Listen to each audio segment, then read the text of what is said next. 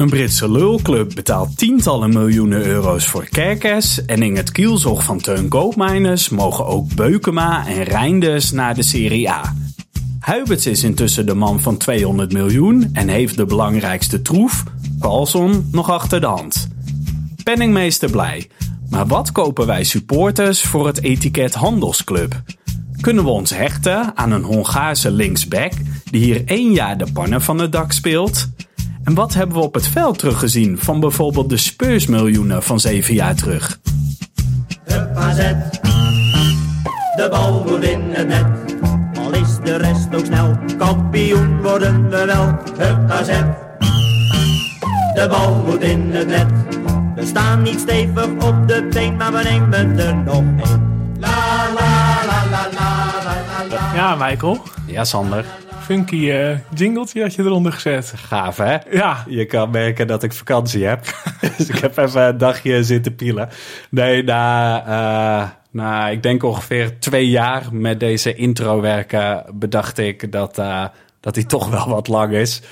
Gemiddeld denk ik zo'n anderhalve minuut. En we zijn niet meer de enige podcast in het universum.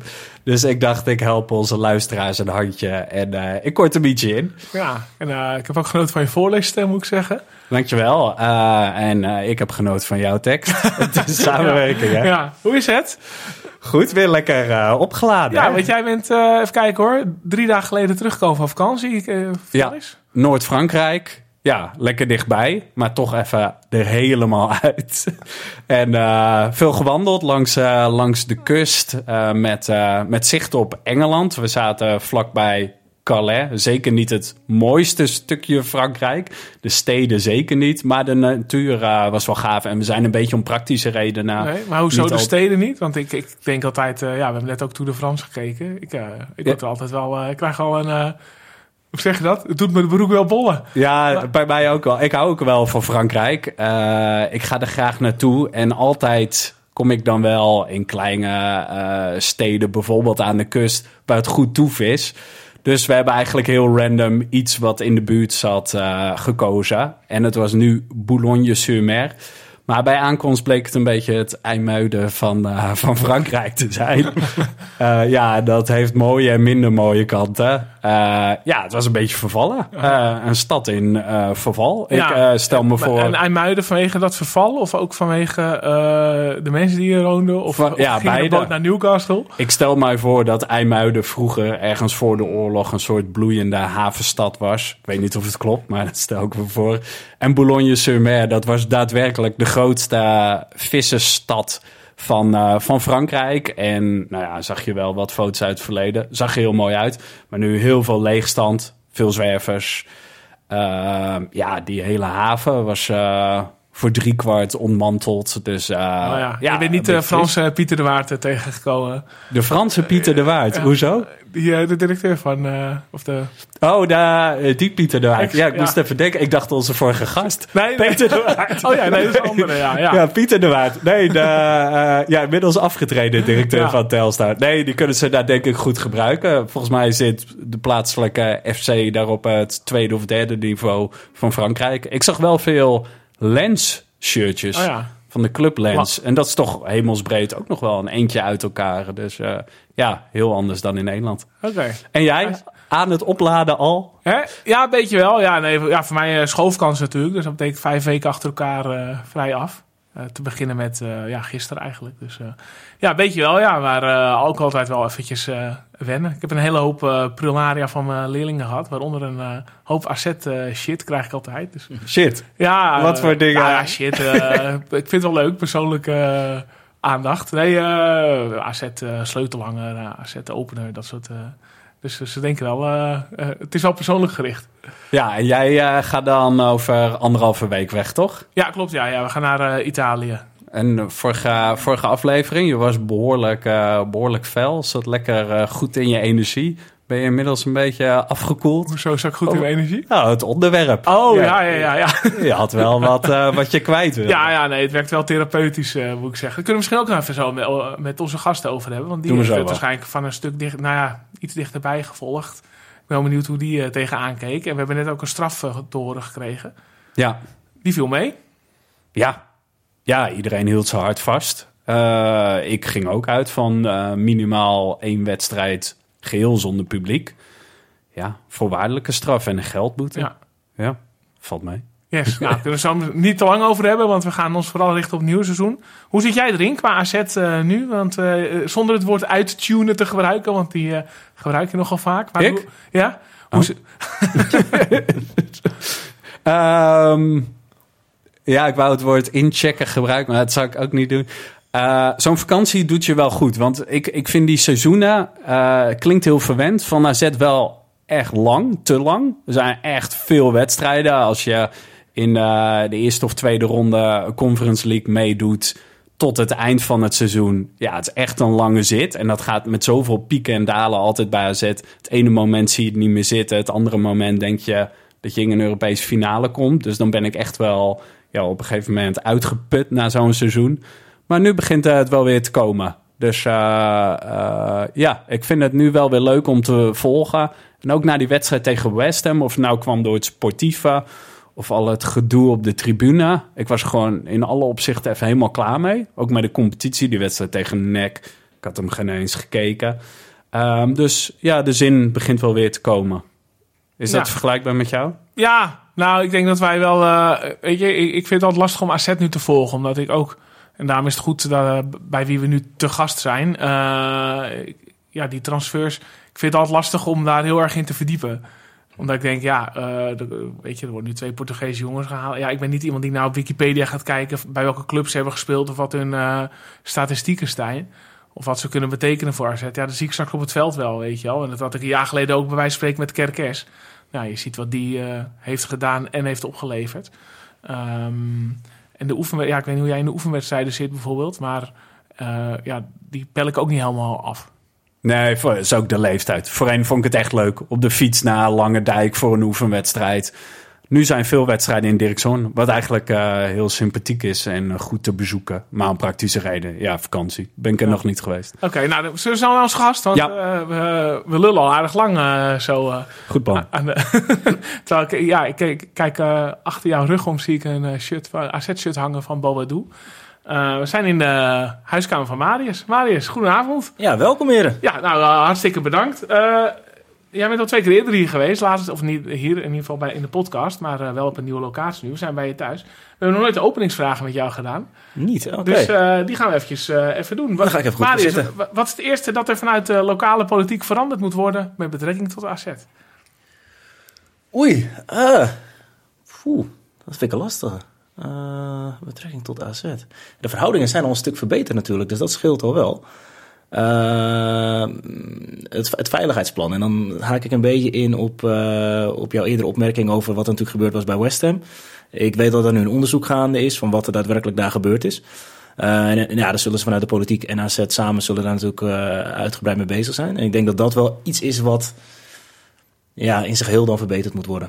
Want daar is natuurlijk iets gruwelijk misgegaan, denk ik. Daar zijn we het allemaal wel over eens. Ja, en, en, en vond je dit ook al op 17 mei, zeg maar, eh, de- voor, voor AZ West Ham? Eh, nee, niet echt. Want er gebeurde eigenlijk relatief gezien nooit zo heel veel op de tribunes. Ik denk, ja, een aantal incidenten hou je altijd wel. Maar zo massaal natuurlijk als wat er nu gebeurde. En we hadden ook niet echt de reputatie eh, op dat gebied. Dus nee, ja, daarvoor viel het wel mee. Maar ja, blijkbaar zit het dan toch niet goed. Ondanks dat ze naar eigen zeggen al wel eh, wat voorzorgsmaatregelen hadden genomen. Met een versterkt hek heb ik begrepen. eh, het die, gezien. die uiteindelijk ook binnen twee minuten, drie minuten om was. Dus ja, dat, dat, dat onderzoek is wel, eh, wel noodzakelijk. En wie voerde dat onderzoek uit? Weet je dat? Ja, volgens mij is dat onafhankelijk. Ik dacht eh, dat het wel dat ze vanuit de gemeente ook al willen weten wat er gebeurd is. Maar dat is natuurlijk een, een samenhang natuurlijk volgens mij, want de, lokale driehoek is verantwoordelijk. Eh, de, de burgemeester als zijnde van, vanuit de gemeente. Eh, dan heb je natuurlijk de politie. Ja, en AZ zelf is natuurlijk ook deels veil- eh, verantwoordelijk. Want die zijn verantwoordelijk voor wat er in het stadion gebeurt. En volgens mij eh, de politie en de gemeente eh, voor buiten het stadion. Dus Dus eh, eigenlijk een onafhankelijke partij wordt ingezet. ja, volgens mij, voor zover ik weet wel. Voor zover ik heb begrepen. Wie? Opa, onafhankelijk. ja, ik ga naar vraag 2 in de categorie kort en eerlijk. Dus ja, ik West, zal het kort houden. Ja. West Ham parkeren we eventjes. Ja. Als ik technisch directeur van AZ was, dan zou ik deze speler halen. Oei. Ehm, ja. Je moet eigenlijk dan een rechtsbuiten hebben, maar dan heb ik er niet even zo snel eentje. Maar ik, ik, ik ben, wil nog wel een pincher hebben. En als Bas Dost is nog vrij, Dus dat zal niet iemand zijn die je meteen direct aan de titel helpt. Maar ik heb nu wel het idee dat wij een type Freddy Druif missen. Oké. Maar een rechtsbuiten heeft de prioriteit hoor. Dos, Druif, rechtsbuiten. Oké. Wie is de sympathiekste speler die je ooit eh, bevraagd hebt? Eh Kerkers, denk ik. Oké. Zijn er speler, of is er een speler geweest die jou liever niet zag komen? Nee, niet dat ik weet. Tuurlijk waren sommige waren wel moeilijker te interviewen, maar ik denk niet dat dat persoonlijk was. Oké. En wie, wie vond je echt lastig? Eh Idrissi? Oké. Zijn er, of, eh, over tien jaar is de fanpage. Of waar staat de fanpage over tien jaar? Eh, ja, we moeten wel blijven groeien hè, natuurlijk. Ik vind het lastig te zeggen, omdat je hebt natuurlijk die social media platformen veranderen ook steeds. Er kan over tien jaar zomaar een platform zijn waar we nu nog nooit van gehoord hebben. Maar ja, we moeten wel ja, het fanplatform van AZ blijven. Oké. Hoe, kun je, hoe eh, snel kun je als supporter hechten aan een nieuwe speler? Vrij snel, dat heeft Kerkers denk ik wel bewezen. Blijf je ook aan hem gehecht dan? Ja, toch wel. Ja, ja, je blijft toch wel zwak houden en die jongen volgen, denk ik. Zit eh, Max Huiberts over vijf jaar nog bij AZ? Nee, en de reden waarom ik dat eigenlijk hoop is omdat ik hoop dat we dan een hoogtepunt hebben gehad in de vorm van een titel.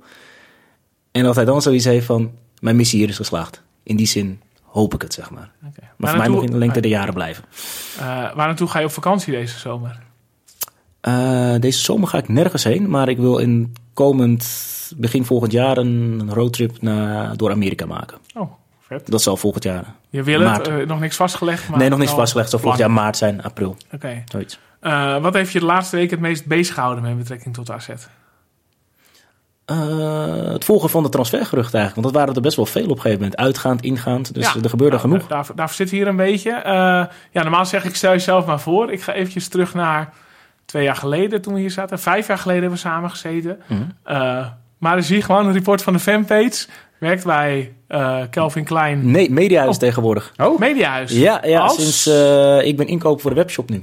Oh, oké. ja, dus niks net gerelateerd. zeggen, maar ik zit wel naast dit- de redactie van het NAD bijvoorbeeld. Oké. Sportredactie. Oh ja. En wat wordt er in een webshop verkocht dan?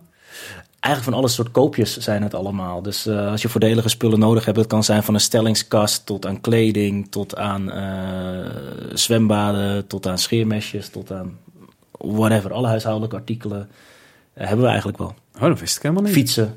Eh, Wist jij dat?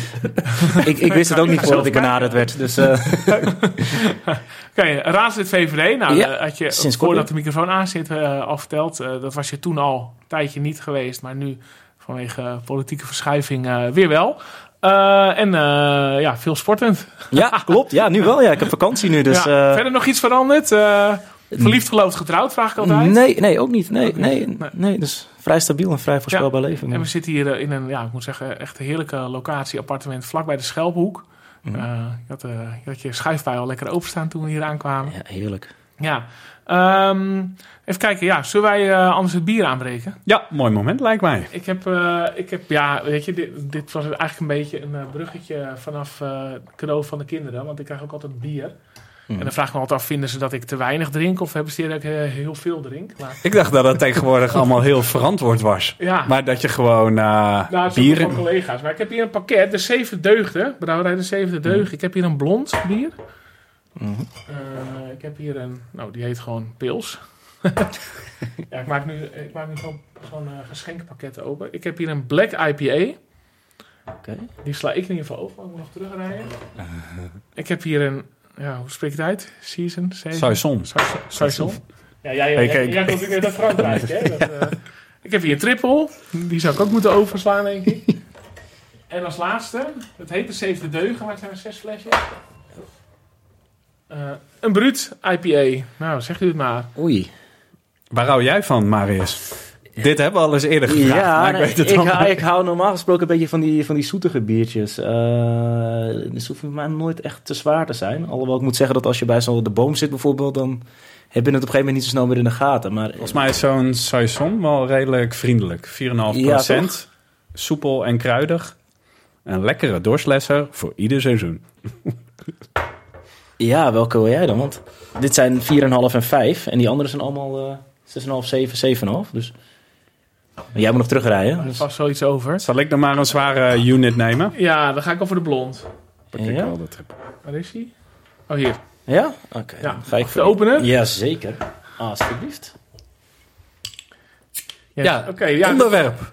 ja, de transfer. Transferzomer. Ja. Ik ben gewoon wel benieuwd.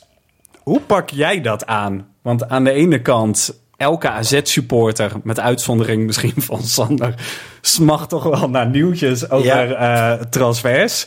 Aan de andere kant denk ik dat je als medium eh, niet alles eh, op internet wil gooien, wat maar in het geruchtencircuit rondgaat. Hoe staan jullie daar als AZ-fanpage in? Hoe pakken jullie dat aan, zo'n periode?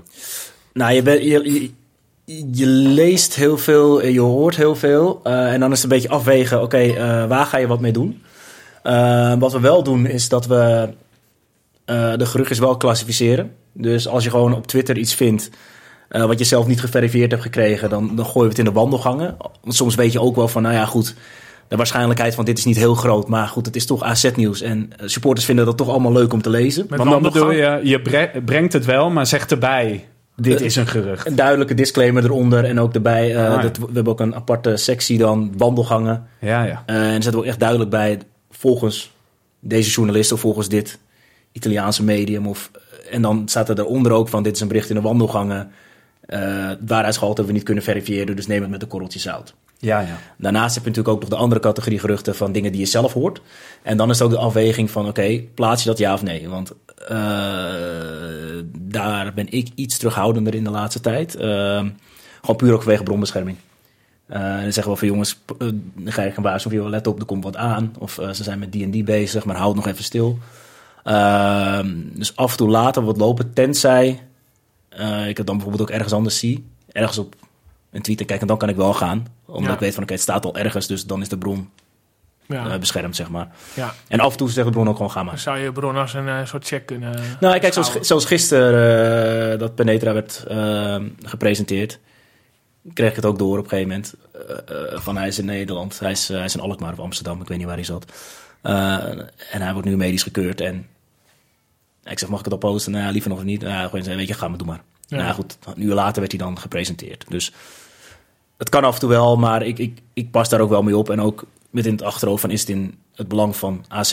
En dan ben ik niet zozeer met AZ zelf bij, maar gewoon het belang van AZ is ook ons belang. Ja. Ik, ik bedoel, we, we blijven ondertussen wel supporters en dan zit je af en toe wel te denken van ja, zal ik het brengen, ja of nee? En dan kom je af en toe wel eens in een spagaat. Maar ik kies er af en toe wel voor om het eventjes voor me te houden. Maar dat is dan, ja... Want heb je daar ook met uh, AZ zelf contact over? Je zegt aan de ene kant, ik wil niet tegen de belangen van AZ ingaan. Aan de andere kant wil je ook een nieuwtje uh, publiceren. Ja, ja, dat is altijd. Ja, de, de vraag is. En dan kijk je ook een beetje van: oké, okay, hoe ver zijn ze al in de onderhandeling? Kijk, als dat bijna rond is. Kijk, zo'n Penetra, als hij al medisch gekeurd wordt, ja, dan gaat er niet zo heel veel meer gebeuren aan zo'n transfer. Dus dan kan je het eigenlijk wel gewoon, uh, gewoon erin gooien. Um, maar ja, goed, af en toe is dat gewoon echt, ja, het is een, het is een afweging. Je wil aan de, ene kant wil je het inderdaad brengen. En aan de andere kant, uh, ja, hou je het soms een beetje. Maar het is niet zo dat ik elk uh, transfer al ver van tevoren weet hoor. Zo is het ook echt niet. Maar af en toe hoor je wel eens dingen die dan, waar je dan even op gaat zitten. En ja. ook niet dat je het per se door AZ wil laten verifiëren voordat je het publiceert. Nee, maar dat, dat, weet je, dat, dat, dat doen ze toch niet. Ze geven het toch niet aan. Uh, nee. weet je, ze zullen dan toch zeggen geen commentaar of, of, of ze lachen dan. Hè. Dat ik toevallig vorige week uh, met Dantas... Uh, ik, ik, stond toen toevallig bij uh, de oefenwedstrijd AZ Norwich in Dirkshoorn. Uh, en toen stond ik toevallig naast een, naast, een, naast een andere journalist. Ik weet niet of ik het zo waarderen als ik zijn naam noem. Maar dat gaan we maar niet doen voor de zekerheid. Maar die zei van AZ is nu, of Huibert is nu in Portugal bezig met de Portugese middenvelder. Nou, hij heeft dat toen ook gevraagd aan, aan Pascal Jansen. En nou, die moest lachen. Hij zegt, ja, daarvoor moet je bij Max zijn. Nou, toen kwam ik binnenlopen. toen liep ik naar binnen die kantine in. En toen zag ik een tweet van... Uh, AZ is bezig met Dantas. Ik zei, ah, kijk, hier 1 en 1 is 2. Dus ik liep meteen naar buiten naar Pascal Jansen. Ik zei, ah, kijk, we hebben hem gevonden. ik zei, toen moest hij lachen. Kijk, en dan kan je het meteen posten. Want dan heb je het ook meteen uh, geverifieerd. Want ik ja. heb dat bericht dat Max in Portugal bezig was met de middenvelder... Niet, liever niet het posten van die, uh, van die journalist. Nou ja, prima, dan doe ik dat niet.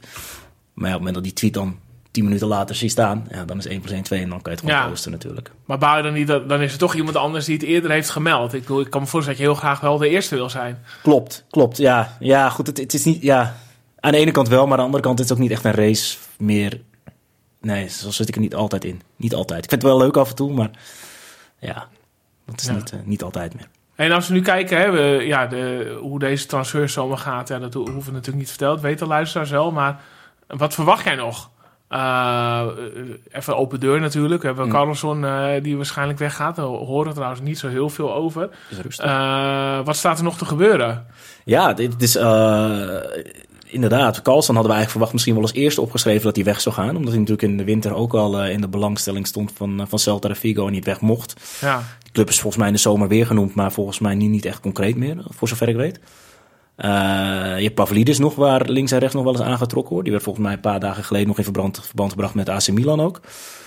Eh, dus de, ja, dat zijn natuurlijk wel je twee blikvangers. En als je die twee kan behouden, dan zou dat wel echt top zijn. Ehm, maar dat is toch niet reëel? Tenzij Carlson uh, heb ik ja. eigenlijk al afgeschreven. Nou ja, de vraag is natuurlijk, eh Huiberts heeft gezegd, we gaan niet weer zo'n leegloop hebben als dat we twee jaar geleden gehad hebben. Toen, toen, toen ehm Boadu wegging, Stenks Ja. ging weg, Koopmeiners ging weg. Maar dat is in feite nu al. Ook. Nee, je hebt er nu drie. Eh, ja, waarvan twee sterkhouders. En dan vind ik Beukema nog iets makkelijker te vervangen dan die andere twee. Alhoewel, de meeste witte loopt hier ook al een jaar rond. Eh, en op het middenveld heb je kwantitatief in ieder geval genoeg alternatieven. Ja, alleen je hebt geen tweede Reinders. Eh, maar ja, goed, dat zijn natuurlijk wel allemaal sterkhouders. En dat merk je ook aan de bedragen waarvoor die jongens verkocht zijn. Ja, Dus ja, als Huiberts op een gegeven moment zegt van... Joh, luister, we hebben nu al drie sterkhouders verkocht. Het gaat echt niet gebeuren tenzij er echt... Ja, club van het kaliber AC Milan komt voor Carlsen... en die bieden 25 miljoen. Ja, dan kan je, er ook niet, kan je het ook niet tegenhouden. Zo reëel moet je ook zijn. Maar ja, goed.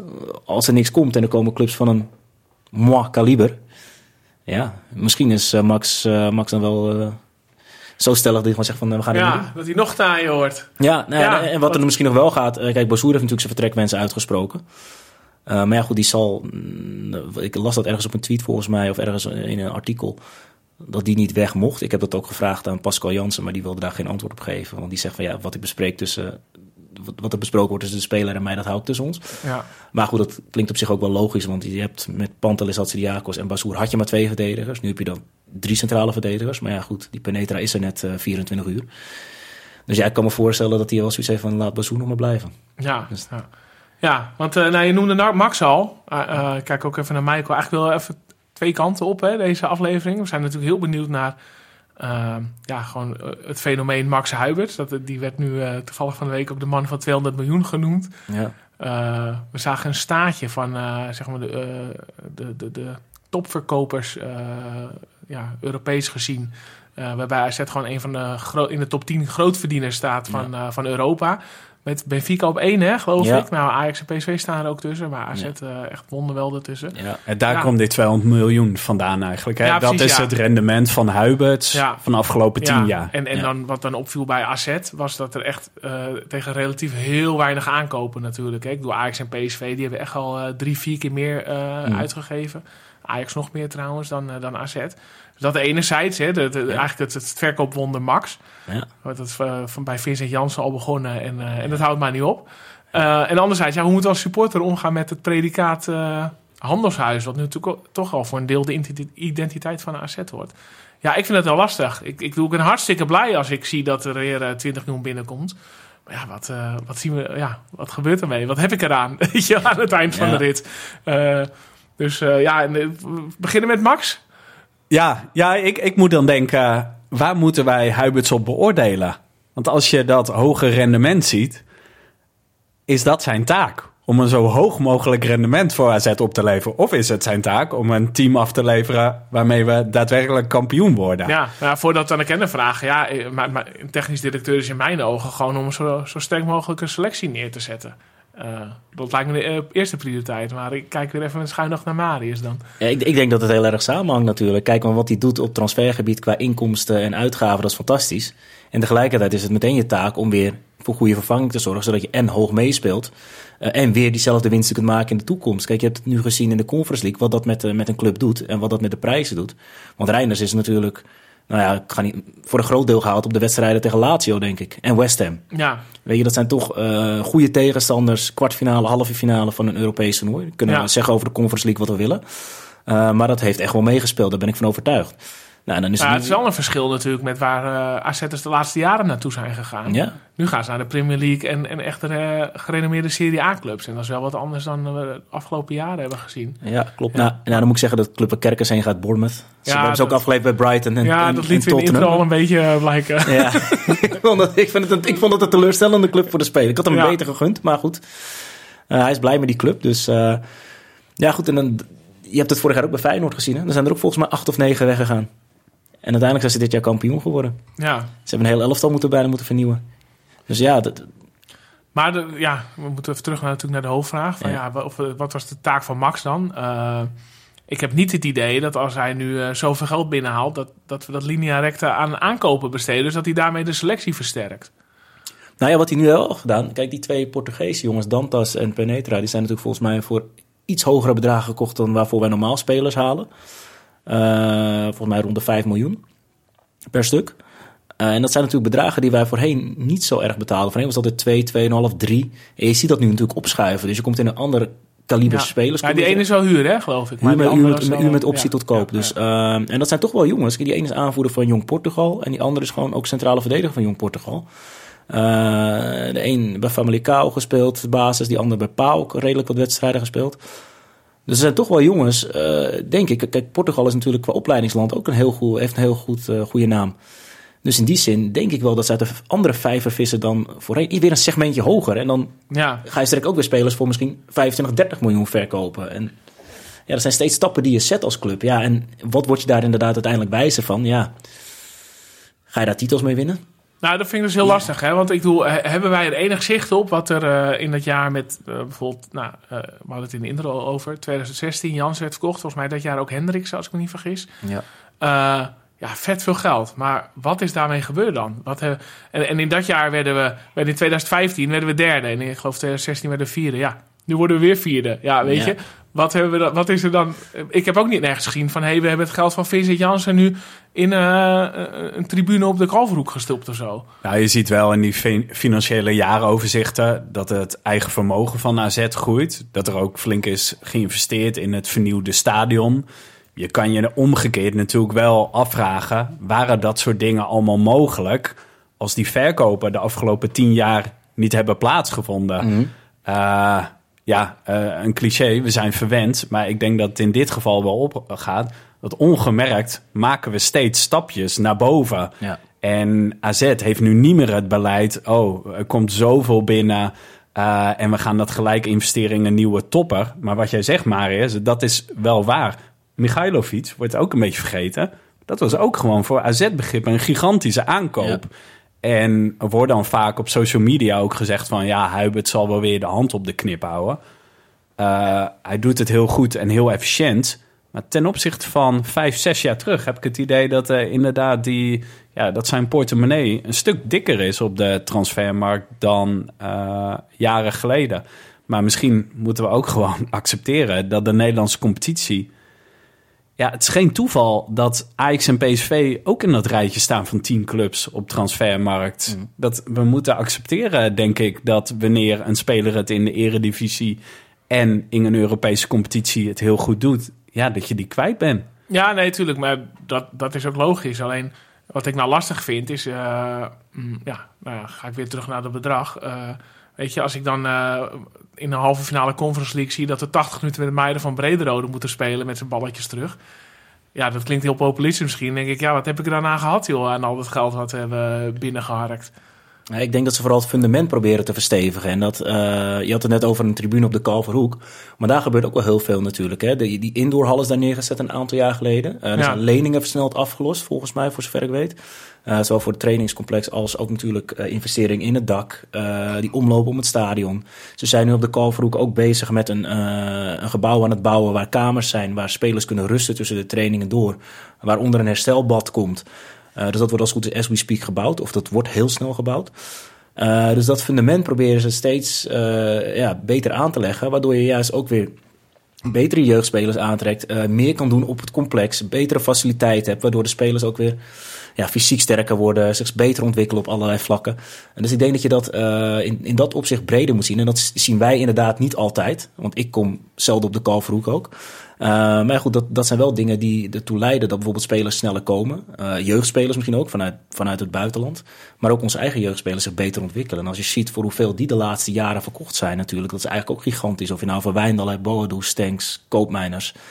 Nou ja, er, zit, er zit nu weer een hele lichting aan te komen natuurlijk met de Youth League. die de Youth League hebben gewonnen.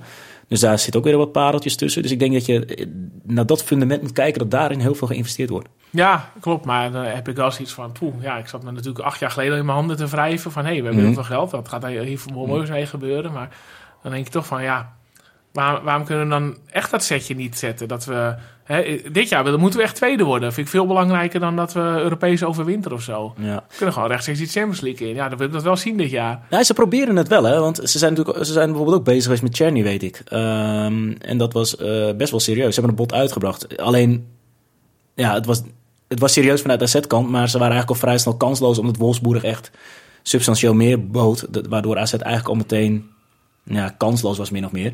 Maar je ziet ook dat het salarishuis daarin opschuift. Wat ik hoorde, dat, dat hij 8 ton kon verdienen bij AZ. Ja. Nou, dat zijn voor AZ-begrippen natuurlijk bedragen. Dat was een jaar geleden was dat 4, 5 ton. Dus daar zit een uh, verschil in. En de begroting is volgens mij afgelopen jaar, vorig jaar zomer, vorig jaar met 20% gestegen volgens mij, als ik, het, als ik me niet vergis, richting Ja. de 35 miljoen. Ja, ik zag iets vaak over. We zitten wel met eh, Twente een beetje. in een, Ja, we eh, zitten nu een nek- beetje met. Twente min of meer eh, hetzelfde. Al al is ons spelersbudget wel een stuk hoger dan, Ja. eh, dan dat van Twente. Die hebben natuurlijk nog heel wat schulden af te lossen, et cetera. Eh, maar daar is echt een hele grote stap in gezet vorig jaar. En eh, ook qua sponsorinkomsten, daar moet je Michael Koster ook wel, denk ik, de credits voor geven.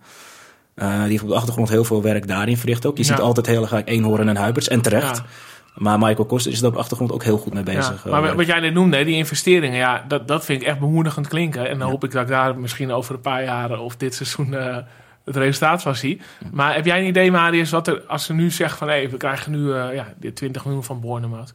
Hmm. Eh, wat gebeurt er? Gaat, gaat dat geld in een, een pot? Eh, wordt dat meteen verdeeld of in reserves gestopt? Ja, ze hadden eh, jaren geleden, ik weet niet of dat nog zo is, min of meer de regel dat een derde naar nieuwe transfersommen ging. En de rest werd dan eh, ja, achtergehouden, eh, op de bank gezet eh, of geherinvesteerd in andere dingen.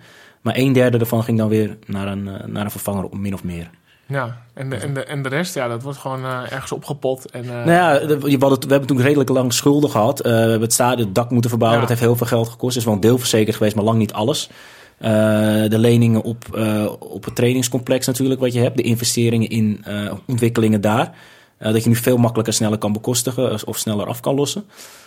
Dus daar gaat geld heen. En plus natuurlijk ook echt gewoon een buffer. Want je ziet nu ook, kijk, je, je kan gaan pokeren. En dat kan heel lang goed gaan. Dat zie je bij Ajax nu. Dat is lang goed gegaan. Totdat je één zomer hebt met heel veel missers. Ja, en dan heb je op een gegeven moment, nu hebben ze een probleem. ja. Nu moeten ze verkopen voordat ze pas weer kunnen kopen. Het gaat allemaal moeizamer. Spelers komen minder graag. Ja, en dan heb je een probleem. Wil je dat? Is dat gezond? Dat kan vier, vijf, zes jaar lang Ja, nee, ik vind het prima dat er heel goed over na wordt gedacht hoor. En ik heb Mhm. ook liever dat ze in lange termijn eh, dingen stoppen, weet je wel. Dat, dat gewoon die scouting onwijs Mhm. op orde is en, en al die analyses. Maar ja, dan ga ik toch geen cynisch op de tribune staan, weet je wel. Dan eh, spelen ze eh, tegen tien man van PSV. Dan denk je, ja, Mhm.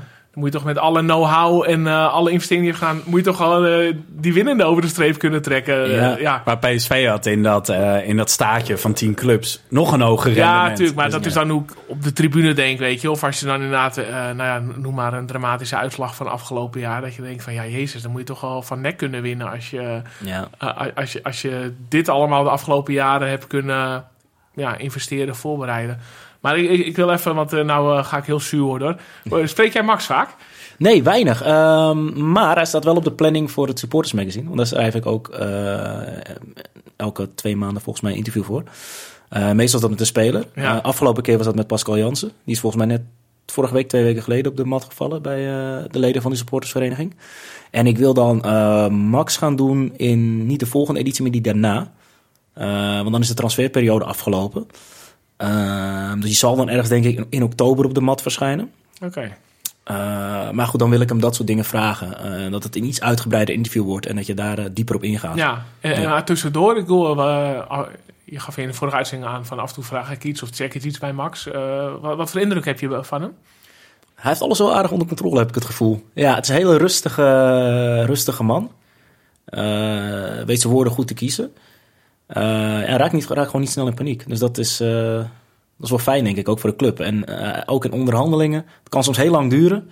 Uh, we hadden het er net voordat de, de, opnames begonnen al even over met, met koopmijners. Het heeft heel lang geduurd natuurlijk in Atalanta. Ja. maar ja, uiteindelijk komt dat rond met een goed bedrag. Reinders heeft redelijk, nou ja, redelijk lang, toch wel, toch wel iets langer geduurd misschien dan, dan verwacht.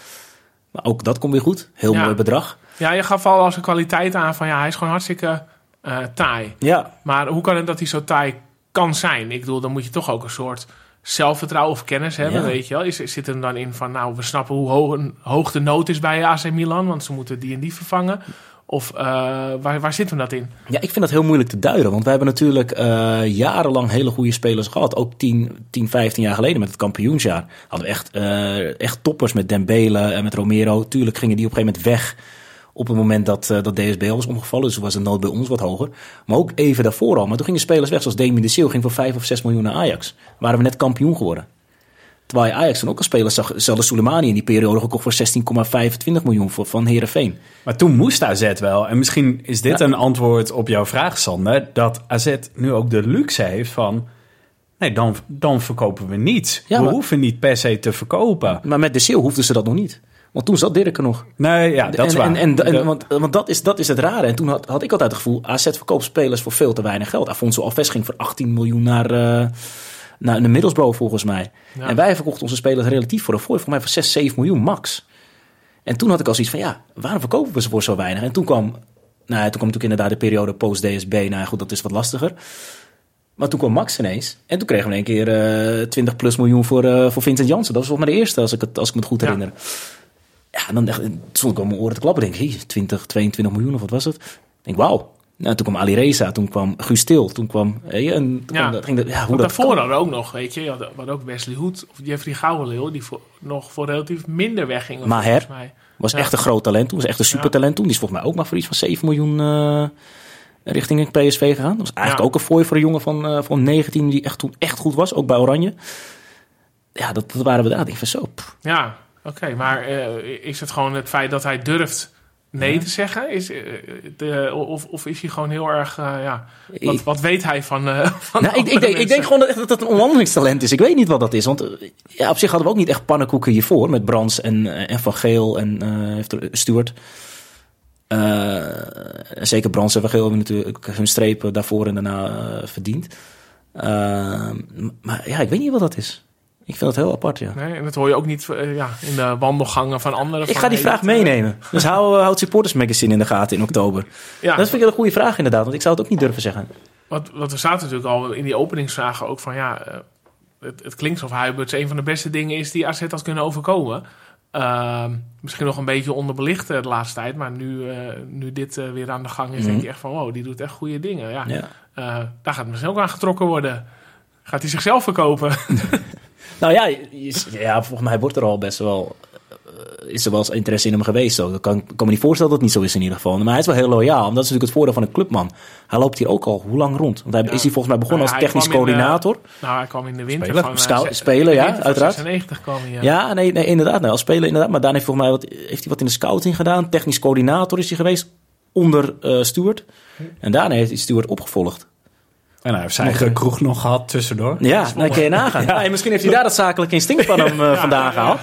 Want het is, biertje niet onder de 32. Nee, nee. Dus nee, eh, ja, dat vind ik een goeie. Hij is natuurlijk echt wel opgeleid binnen AZ ook. Dus in die zin, eh, ja, waarom is het zijn voorgangers niet gelukt en hem wel? Ja, misschien heeft hij dingen gezien dat hij dacht van... hé, hey, dat zou ik handiger doen of anders doen? Of... Het is ook wel balanceren, hè? want ik denk nu met Carlson, die hadden ze eerder kunnen verkopen. Mhm. Nou, nu, mede door zijn eigen presteren en door zijn blessure, staat hij denk ik wat minder in de belangstelling. Ja. Stel, hij gaat nu niet weg. Hoe schat jij dat in? Is hij nog te porren voor weer een jaar bij AZ?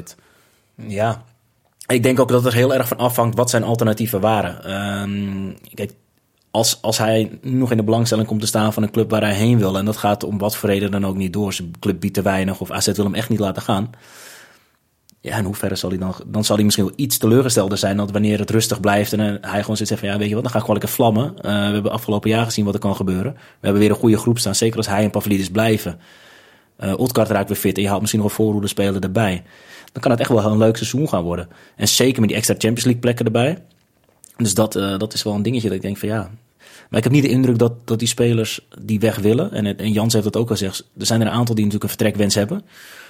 Eh, maar zodra ik gedragsverandering zie, dan hebben we wel een probleem. Ja. Ja. Eh, dus als mensen gaan lopen mokken, eh, ja, dan, dan zal er wel een gesprek volgen. En misschien nog wel meer als, als, als dat gedrag zo blijft natuurlijk. Ja, bij Reinders hebben het net heel goed uitgepakt. Hè? Die zou misschien naar 20 gaan. Nou, ik denk dat dat dan eh een tiende had opgeleverd van eh, wat hij nu heeft Bizar, opgeleverd. hè? Ja, bizar. Vorig jaar was hij bijna, nou ja, ik weet niet of hij bijna naar Twente was, maar dat, hij wilde wel natuurlijk. Omdat, Maar toen ging Mitchell weg en de rest is geschiedenis. Carlson lijkt me dus echt wel een type die kan gaan mokken. Ik, ik, misschien proefde ik het afgelopen jaar al een beetje hoor. Dat die, Ja, eh, ja ik, ik, ik vind het lastig. Ehm, ja, ja, hij zit er natuurlijk wel relatief lang nu al. Hij zit eigenlijk in die periode, nu eigenlijk op het moment dat hij eigenlijk die stap moet maken. Maar hij heeft er inderdaad, wat je terecht net zei, dat is de pech al dat hij erg geblesseerd raakt natuurlijk. Weinig gespeeld heeft, ja. Hij heeft wel twee hele goede wedstrijden tegen Lazio. Waren dat er twee? Ja, volgens mij twee hele goede wedstrijden tegen Lazio ja, gespeeld. vandaar ook die interesse natuurlijk Ja. in Italië. Ja, want hij scoort natuurlijk hier thuis die bal heel mooi binnen. En volgens mij gaf hij daar één of twee assists. Dus dat, eh, ja, die, die staat wel op de kaart daar. Maar ja, goed, het, het- waren maar twee wedstrijdjes. Dus, Ja. dus dat, en daarna raakte hij volgens mij weer geblesseerd. Dus Ja, je had eh, zo'n eh, periode, ik denk zo'n twee jaar terug, dat er voor mijn gevoel veel zagrijn in het elftal zat. Carlson begon toen voor mijn gevoel ook al vrij vroeg met nou, eh zagrijn tonen.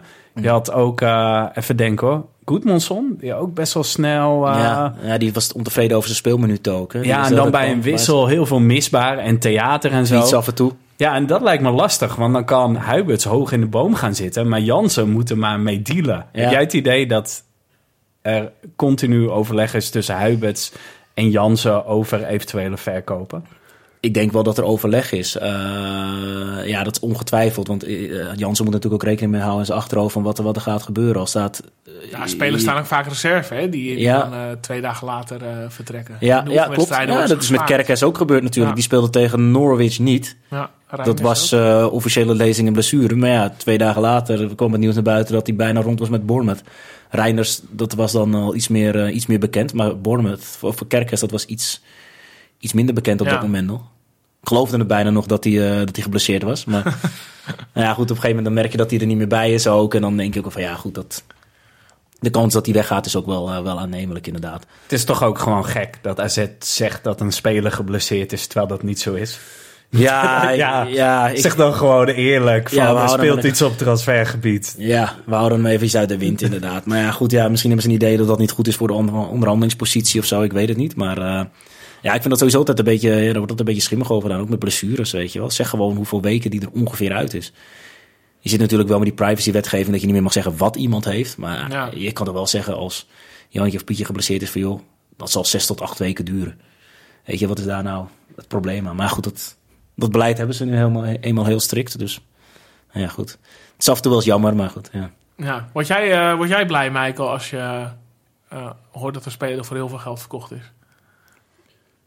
Eh, ja, omdat je weet dat een gezonde club oplevert. Dat je autonomer van wordt. Dat je niet afhankelijk bent van een externe geldschieter. Hoe meer eigen vermogen, hoe beter. Eh, ja, het is een ander soort blijdschap. Ik sta niet te juichen eh, in de woonkamer als ik zo'n eh, bericht lees. Maar het is, het is goed voor het, voor het imago van AZ en vooral voor, voor de huishouding.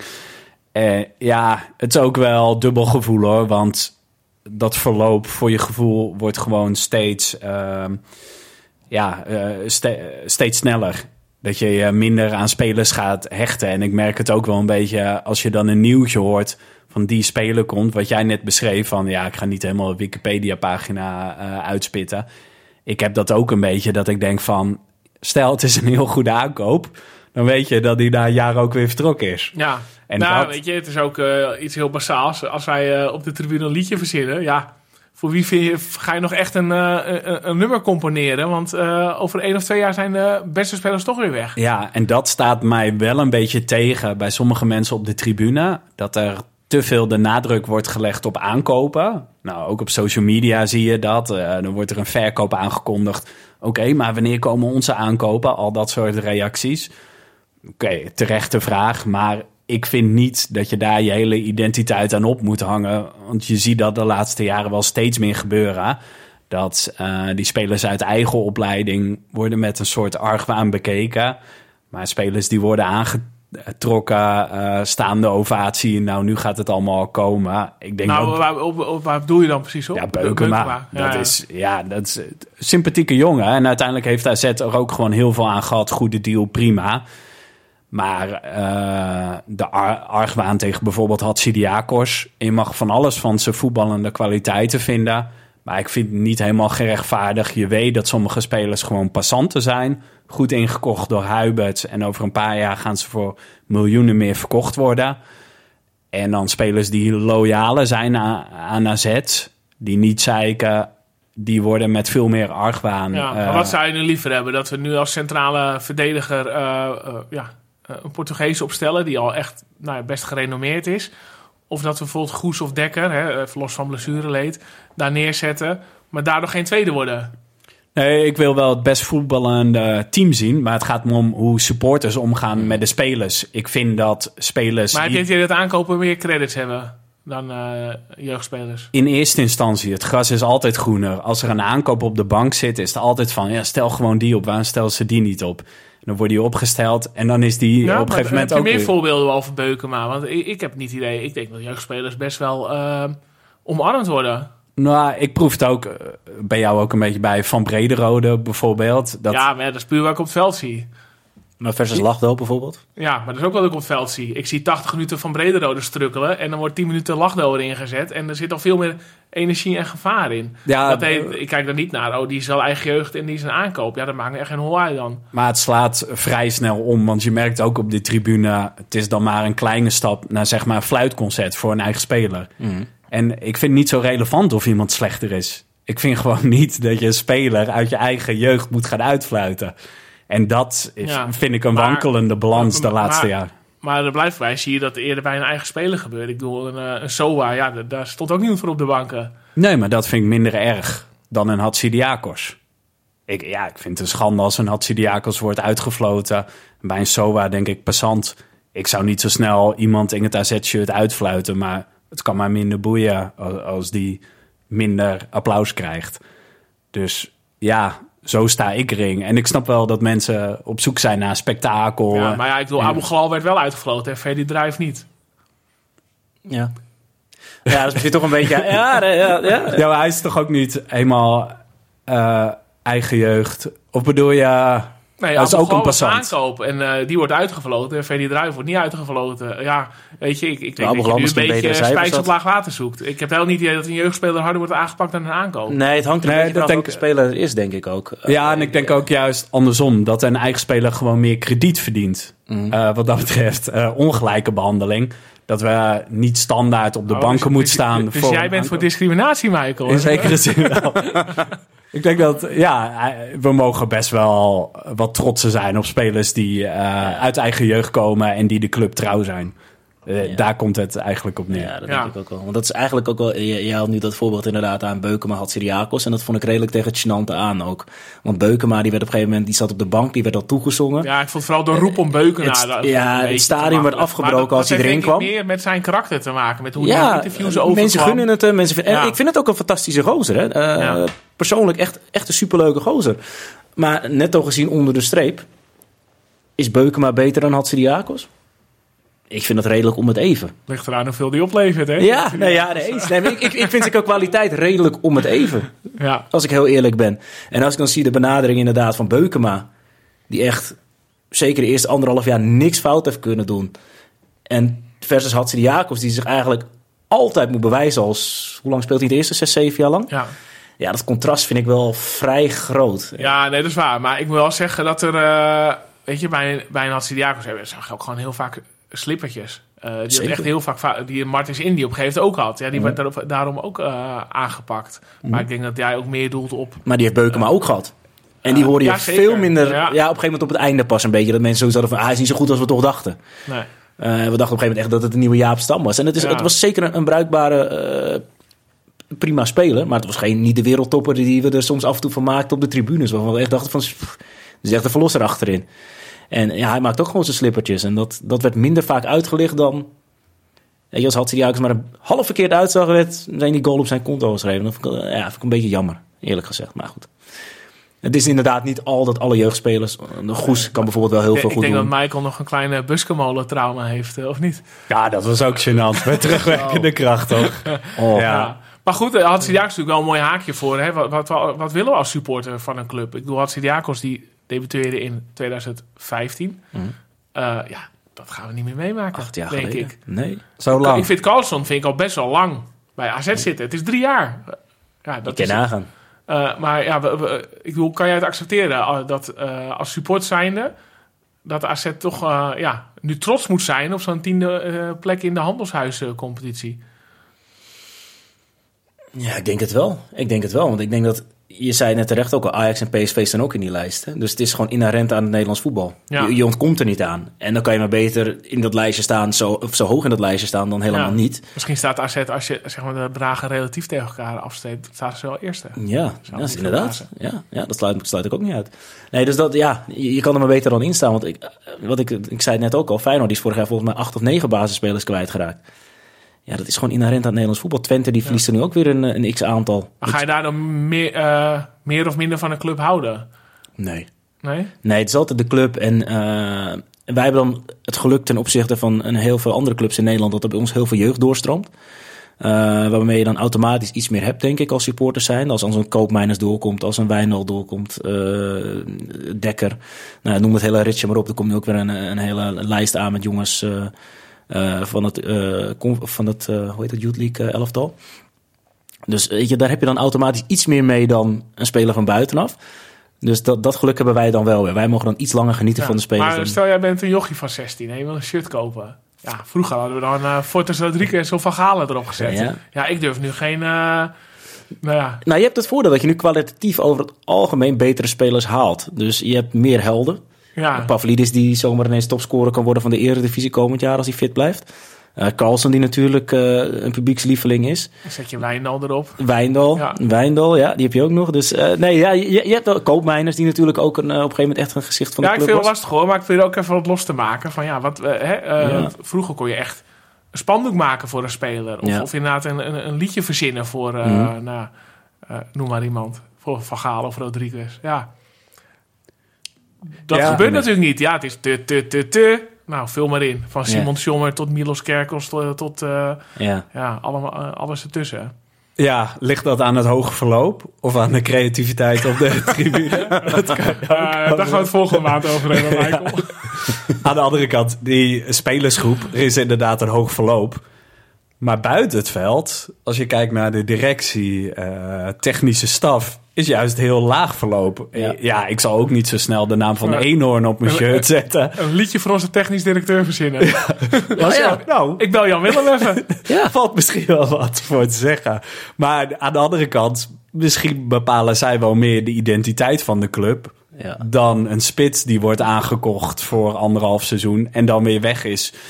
En eh, we hebben ook de luxe, we hebben geen buitenlandse eigenaar die misschien heel andere intenties heeft met een club dan, eh, eh, dan we wij wel. hebben. Wel? Qua aandeelhouder, Billy Bean is Oh, een groot aandeelhouder. Wat heeft hij, 3,5% of zo?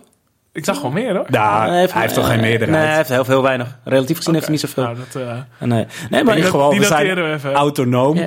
En Ja. Dat, ja, dat is qua eh, identiteit, identiteit, binding met de club ook heel belangrijk. Dus ja, misschien moet je het als supporter ook wat breder trekken. Dat je je niet alleen eh, identificeert met de spelers, maar met veel meer. Van het stadion tot hoe eh, de club wordt gerund. Nou, ik denk dat dat wel een goed punt is. Want ik denk, eh, als je in Nederland vraagt buiten Alkmaar, buiten Noord-Holland om, hoe kijk je naar AZ? Ik denk dat dan heel veel mensen zullen zeggen, oh, bele- eh, een club met verstandig beleid, heel veel jeugdspelers, eh, rust in de tent. Weet je, dat zijn ook dingen wa- waar je als club mee kan, of als supporter mee kan identificeren. Ten opzichte van bijvoorbeeld, kijk naar een FC Utrecht, kijk naar een Vitesse.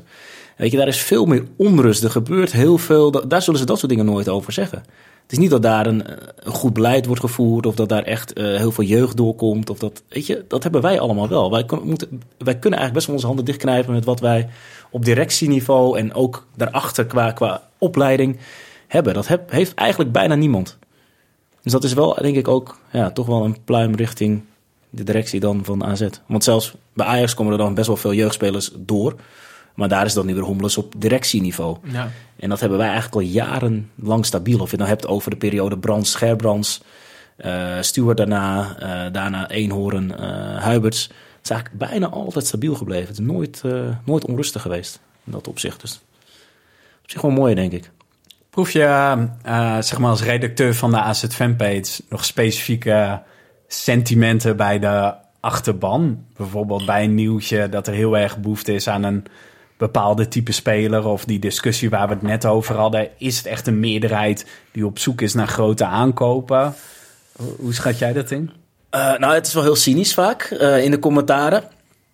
Eh, maar ik, heb dat, ik wil niet zeggen dat dat meteen representatief is voor alle AZ-supporters. Want mensen die negatieve gevoelens hebben, die zullen het iets sneller uit op social media dan over het algemeen positieve gevoelens. Eh, maar inderdaad, het sentiment dat er vrij weinig gehaald wordt en dat de hand altijd op de knip zit, dat leeft toch wel vaak in de comments in ieder geval. Ik weet niet of dat een, eh, een beeld in het algemeen is, maar wel in de comments. En ik denk dat dat, als je er genuanceerd naar kijkt, valt dat best wel mee. Trainer moet er al heel lang uit eh, in de comments. Het is toch wel een vrij negatief beeld, wat ik ook wel opvallend vind. Ehm, ja, dat, dat zijn wel dingen, dat, dat is het vooral denk ik. De trainer heel veel en Hm. inderdaad dat de hand op de knip zit. ja. Vind jij Jans eh, de juiste man op de juiste plek? Ehm, ja, in principe wel. Kijk, ik zou ook niet zo snel een betere weten. Ehm, dan kom je echt al in een segment topcoach, denk ik. Als je, als je echt beter wil dan Jansen. Want Jansen doet het cijfermatig gezien gewoon goed. Eh, als je afgelopen seizoen gaat analyseren. We, we zijn vierde geworden. Nou, dat is niet echt een reden om per se de vlag uit te hangen en de slingers op te hangen. Eh, maar als je kijkt naar hoe het seizoen is verlopen, met de blessures die we gehad hebben, met voor de winterstop eigenlijk je hele voorhoede die on en off geblesseerd was. Eh Pavlidis een heel groot gedeelte gemist. Carlsen bijna de hele eerste seizoen zelf. Odgaard. Ik denk dat die drie hebben tegen PSV uit. Dat was de allerlaatste wedstrijd voor de winterstop. Dat was de allereerste wedstrijd dat we met z'n drie aan de aftrap stonden. Ja. Nou, na de winter, hoeveel verdedigers zijn er geblesseerd geraakt? Dani de Wit is geblesseerd geraakt. Nou ja, voor, in de voorhoede was het ook weer kwakkelen met Carlsen. Maar vind jij, want volgens mij is de meeste kritiek op de mensen die Jansen weg wil hebben van het is gewoon niet attractief genoeg en het is best Klopt. wel behoudend. En ja, wat ik Ja. net schrijf van Van Brederode en Lachdo, ja, dat is wel echt, dat vind ik ook echt wel kwalijk. Dan denk ik, ja, weet je, en, en ik besef me heel goed, eh, ik zie het vanaf de tribune, maar ik, ik, ik zie toch, ik zie toch dat er in die 10 minuten veel meer dreiging is dan die 80 minuten ervoor. Ja, dat kan iedereen toch zien. Ja, maar ik- ja, ik, ik vind niet zozeer dat de alternatieven vaak beter zijn. Hij heeft ook heel vaak moeten doen met een gemankeerd elftal. Ja, En nee, ik, maar... ik, ik vind dan Lachdo niet zo heel veel beter dan Van Breder. Nee, maar ook weet ik veel. Eh, eh, je had sommige wedstrijden, zeker bijvoorbeeld thuis tegen West Ham. Dan denk je, eh Dani de Wit kwam erin. Nou, ergens tussen 75 en 80 Ja. minuten. Ja, dan zitten we in de 60 minuten erin. Er is echt Ja. gif en energie Ja. nodig. Want we hebben, weet je, en dan Ja. denk ik, ja, dat Ja. is echt geen hogere wiskunde. En Nee. eh, nogmaals, ik besef me dat ik lang niet de, de kennis en, en alle tools heb die Jansen heeft. Maar ja, waarom niet? Weet je, dat snap ik dan niet. Nee, die kennis heb ik ook absoluut niet hoor. Laten we dat voorop stellen. Maar, eh, Nou, nee, ja, maar is niet zo bescheiden. Ja, nee, nee, nee. Nee, nee, maar kijk, bijvoorbeeld de Wit kwam toen volgens mij net terug van een blessure ook. Dus ik wist niet hoe hij fysiek in zat. En je moest natuurlijk ook rekening houden met een, eh, met de verlenging nog. Mocht je dat eventueel nodig hebben. Eh Carlsen kwam toen ook volgens mij net weer terug van een blessure. Die werd opgelapt. Pavlidis was ook net weer net fit. Dus dat was echt allemaal een beetje ook... Ja, er waren spelers die allemaal half fit, half Ja, niet fit ja. waren. En eh, ik heb daar toen met eh, Pascal Jans ook over gesproken in dat interview. Van, ehm, ja, zijn er ook dingen die je anders had gedaan? En hoe kijk je bijvoorbeeld terug naar die wedstrijd tegen West Ham? Ja. En toen gaf hij ook aan van de gevaren die er toen zaten, waren heel erg een omschakeling. En dat zag je denk ik ook in Alkmaar. Ik denk op het moment dat West Ham gevaarlijk werd, was het elke keer vanuit de counter. Ehm, en je zag op een gegeven moment dat AZ echt volle bak alles opengooide. Ja. Toen zag je ook dat die goal viel. Ja. Te veel ruimte in de rug en Ja, dan nee, kwetsbaar. Dus maar- je, aan de ene kant, ik snap de opmerking van, het, van de supporters. Want ik zie dat ook dan van, oké, had je niet misschien vanaf minuut 1 op zijn co-Adriaanses bluff ze maar af. Had je wel het risico gehad dat je binnen een kwartier 0-3 achter stond. Zullen we achteraf nooit weten. Nee, ik vind, ik Maar vind je- op zich die, die aanpak vanaf het begin vind ik wel goed hoor. Dat je, Mm. dat je heel lang die kans eh open houdt. En ja, ik heb het al eens eerder gezegd dat eh, ik, ik, ik eh, ga altijd huilen als, als het publiek alles of niets gaat zingen. Ja. Nou, dat zag je met AZ West Ham Ja. en met AZ PSV. Nou, jullie wilden dat, oké. alsjeblieft, Ja, hier eh, heb je het. nou ja, Niets. dat is ook zo'n goed voorbeeld. Ja, maar Ehm, ik denk dat een, eh, een Dani de Wit inbrengen vooral voor meer gif zorgt. En niet voor dat, de- dat de verdediging en aanval eh, uit balans raakt. Klopt. Eh, maar ik, ik, ik denk bijvoorbeeld ook aan een... ja, ja, ik ga nu echt veel te veel over voetbal praten. Excu excuses aan alle luisteraars. Een Goes, die het fantastisch doet. En die Ja. merkt gewoon op het moment dat hij... Hè, dat ehm, eh, de geblesseerden weer terug zijn... en Ja. Goes eh, eruit wordt gezet... dat het er gewoon minder draait in die verdediging. ja. Dan denk ik, ja, ja, toen werd het weer... da- daar, daar komt wel het sentiment vandaan van... eh, ja, die, die Jansen... Ja, wat zijn dat voor keuzes? Ja, ja want En, en, en ik noem nu een paar voorbeelden die mij te binnen schieten... als iemand die echt niet op het spel heeft eigenlijk. Nee, ik, ik denk dat je gelijk hebt. Dat, hij is behoudend. Hij is behoudend qua hiërarchie in het elftal. Hij wil ook niet te veel risico's nemen op het veld. En dat is een keuze. Daar kan je het mee oneens zijn of eh, eens. Maar wat mij, eh, ik, ik ben deels met je eens, wat mij steekt, is dat AZ wel nog eh, naar buiten toe zo fanatiek uitdraagt. AZ staat voor aanvallend voetbal. Eh, zowel op marketinggebied als bij persconferenties. Als er een nieuwe speler komt, staat ook altijd in die interviews op az.nl. Ik heb voor AZ gekozen vanwege het aanvallende voetbal, et cetera. Ja, het is een soort. Eh, eh, waarom? het is een soort rare act. Want iedereen die afgelopen drie jaar op de tribune heeft gezeten, weet dat Jansen behoudender is dan wat we, eh, de, dan wat we bij Ja, slot hebben gezien. Het werkt wel, want als je naar studio voetbal kijkt, dan is AZ de meest attractieve ploeg van Nederland. Ja, dat En, is een cliché. En dan hebben wij net, nou ja, noem eens een wedstrijd, Groningen AZ gezien, waar Ja. de niks te zien was. Ja, Ja, Ja, dat, dat, ja, we mogen blij zijn met dat imago. Maar ja, het klopt niet. Dat, eh, daar, daar zit een discrepantie. Ja. En toch vind ik het wel weer, eh, ik ben het wel met jullie eens, maar aan de andere kant zit ik ook weer te denken van als je ziet welke spelers we opstellen, dat is op zich niet defensief. Want we hebben eigenlijk altijd bijvoorbeeld hele aanvallende backs. nee, klopt. Kerkers en Sugawara, die weet ik veel hoeveel assists en goals eh, elk seizoen. Eh, nou ja, het middenveld heb je dan Reinders, De Wit, dat zijn... Nou, Klaasie die komt bij wijze van spreken de middenlijn niet over, maar die andere twee, nou, De Wit natuurlijk heel vaak de 16 en Reinders pendelt. Buitenspelers zijn op zich wel... Ja, maar ik denk dat je nu ook de vinger op de zere plek legt. Want als ik dan de opstelling zie, en zeker zonder geblesseerden, Mhm. het middenveld, ja, dat, ja, in mijn ogen is dat qua spelers eh, eh, potentieel het beste van Nederland. Zeker Mhm. met rijders nog erbij. Maar nu kunnen we voor het middenveld kiezen uit eh Dani de Wit, Klaasie, Mijnans en Michailovic. En daar moet je nog eentje reserve Dantas. zetten dus. Eh, eh, Dantas ja, erbij. Daar Ja. nog wel bij. Maar dat heb ik, nog Bassoer. niet, op- heb ik nog niet op gegoogeld. Maar dat is toch bizar? Ja, Eh, en ik vind al die spelers, daar lik ik mijn vingers bij af. En ik denk dat daarbij gewoon eh, de, het zagrijn dat daar ook vandaan komt. En wat je net zei, inderdaad, die voorhoede. Pavlidis, Carlson, Otgaard. Nou, Jezus Christus, hé. ja maar Dan dat- moet je toch... eh, En ik denk dat daar de pech is geweest dat ze eigenlijk over het hele seizoen nooit alle drie helemaal fit zijn geweest. Eerste seizoen zelf ontbraken er altijd wel één of twee. Want ik denk van Brederode bijna alles gespeeld heeft de eerste seizoen zelf. eigenlijk hashtag fysiotherapeut oud. Ja, nou, eh, inderdaad. ik weet niet wie dat is, Ja, maar die, moet, die dit moet- seizoen die weer. moet weg. nee, nee, nee, dat is onzin natuurlijk. Nee, maar... eh, En je zag ook na de winterstop, was het elke keer kwakkelen met die drie. Ze waren, dan als er elke keer weer een klein pijntje, kwamen ze weer terug tegen West Ham. Ze waren, Carlson en, en, en Pavlidis kwamen net weer terug. Ik weet, voor mij deed Odgaard zelfs niet eens mee. Nee, Weet je, dus... Maar dat middenveld viel op zich al mee. En dat kon bijna altijd wel samenspelen. Ja, Jeetje. nee, ho, de Wit. Eh, ja, hele tweede seizoen zelf bijna Ja, oké, maar toen hadden we Reinders nog. Ja, ja, klopt. Maar ja, toen had je Mijnans die er toen ingepast werd. Ja. Eh, dus ja, nee, dat, ik ben het met je eens, maar ik, ik had het wel willen zien als bijvoorbeeld trio voorin praktisch altijd samen had kunnen spelen. Ja. Natuurlijk is er altijd wel een keer een blessure of een schorsing, maar nu was het wel heel veel. Dat, ze- en dat, ja, ik denk dat dat misschien ook wel heeft meegespeeld. Maar goed, dat is een, een veronderstelling mijnerzijds. Oké. eh, Bruggetje. Even, even, even, om dit on- ja, even afsluitend onderwerp. Gaat AZ tweede worden dit jaar? Ik zit begin er wel in te komen trouwens. Ja. eh, dankzij Marius, ja. Nou, ja, ik, ik, Je begint een beetje die Jack van Gelder rol aan te. Mannen, wat denken we? het zou zeer zeker kunnen. Ja, natuurlijk kan het, kan altijd. Maar eh, realistisch gezien denk Ja, ik dat het echt wel kan. Ja, nee, Ja. realistisch gezien kan het echt wel. Michael, wat denk jij? Ik zie het niet gebeuren. Op basis van de afgelopen twee seizoenen. Dat we nu op. Maar we beginnen allemaal weer op nul, hè? Oh, dat gaat. Nee, eh, ja, ook een beetje eh, vanwege Jansen, denk ik. Zie ik ons niet opeens zo'n jump maken. En jij wel? Ja. Tweede of eerste? Nou, ik denk wel tweede. Ik denk dat Feyenoord favoriet is. Maar daarachter... Tweede te worden. Om eerste te worden, sorry. Ja, eerste te worden voor het kampioenschap. Ja. Nee, die hebben relatief het elftal eh, intact gehouden, relatief gezien. Eh, en daaronder is natuurlijk best wel wat een en ander gaande bij PSV en bij, eh, bij Ajax. Nieuwe trainers, wat spelers die vertrokken zijn. Bij ons is het... Tuurlijk, er zijn drie spelers weggegaan, maar relatief op te vangen. Technische staf is hetzelfde gebleven. Er zijn wat versterkingen bijgekomen. Dus, Ja, dit- maar ja, goed. Dit wordt gewoon een seizoen waarin we eindelijk gaan profiteren van de Jansen en eh eh, hoe heet het? Hendricks eh, miljoenen. Ja, eindelijk. Hoppa. Ja, we zijn aan het voorspellen en dat brengt ons bij.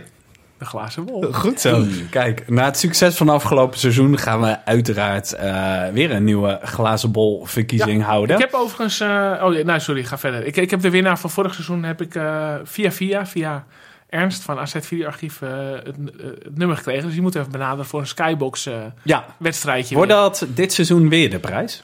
Ehm, nou ja, ik ga even stiekem uit van wel. Want tot nu toe eh, eh, is dat altijd zo gelukt. Dus ik denk dat, eh, dat ik voor, namens Dick kan spreken dat het dit seizoen ook de prijs wordt. Ja. Ik zeg gewoon ja en anders regel ik het zelf. Prima. Ehm, ja, we gaan weer een glazen bol verkiezing houden. Eh, we voorspellen aan het begin van het seizoen hoe eh komende seizoen eruit gaat zien. Dat doen we aan de hand van drie vragen. We halen grotendeels ook de vragen van vorig jaar, maar wel met een kleine twist. Ik ga de drie vragen nu oplezen. 1. Wie wordt speler van het jaar in de AZ Fanpage verkiezing? 2.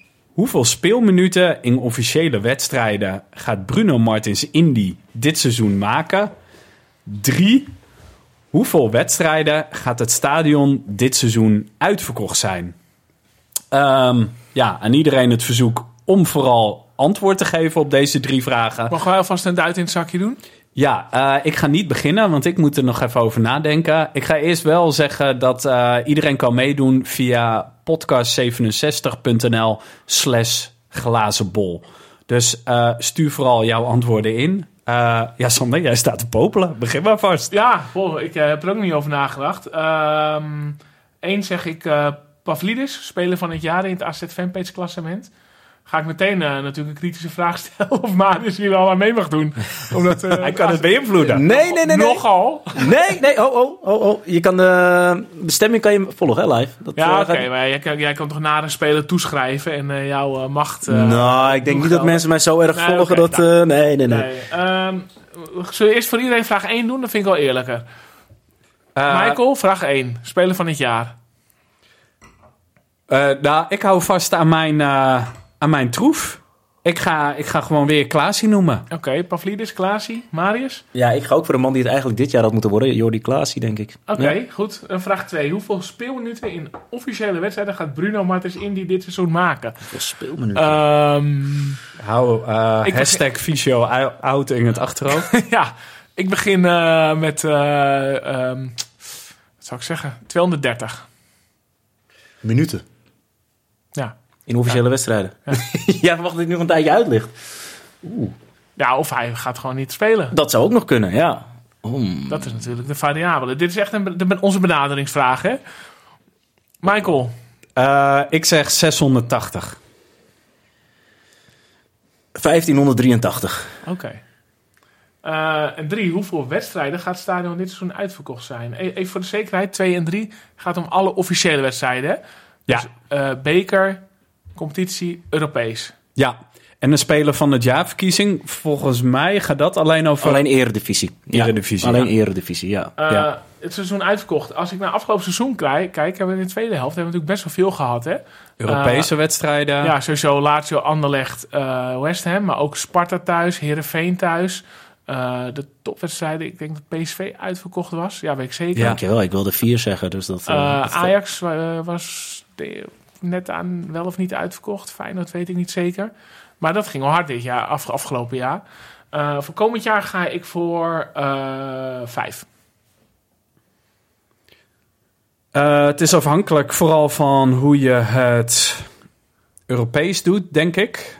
Je zag merendeel van eh, de uitverkochte wedstrijden waren Europees afgelopen seizoen. Nou, ik had ook het idee dat er ergens de marketingmachine eh, goed zijn werk deed. Omdat gewoon Sparta en Heerenveen thuis... eh, Ja, aan de uitverkecht- Ja, dat is een goeie. En ik las dat die samenwerking met FOMAR is verlengd Mhm. deze week. Ik heb eh, gisteren eh, tijdens de weekboodschappen nog twee strandballen, twee asset strandballen eh, uit de FOMA-schappen weggeplukt. Dus dat gaat hartstikke goed. Kijk, ja. goed dat je het nog even noemt. Dan zet ik hoger in. Ik zet in op 8. Ik ga voor 7. Oké, nou rond. Oké, nog één keer Michael, als eh, de luisteraar dat dit wil doen, dan? Inzenden via podcast67.nl slash glazenbol. Dat kan tot de dag van de eerste competitiewedstrijd. En dan ben jij op vakantie, denk ik. Je gaat hem missen.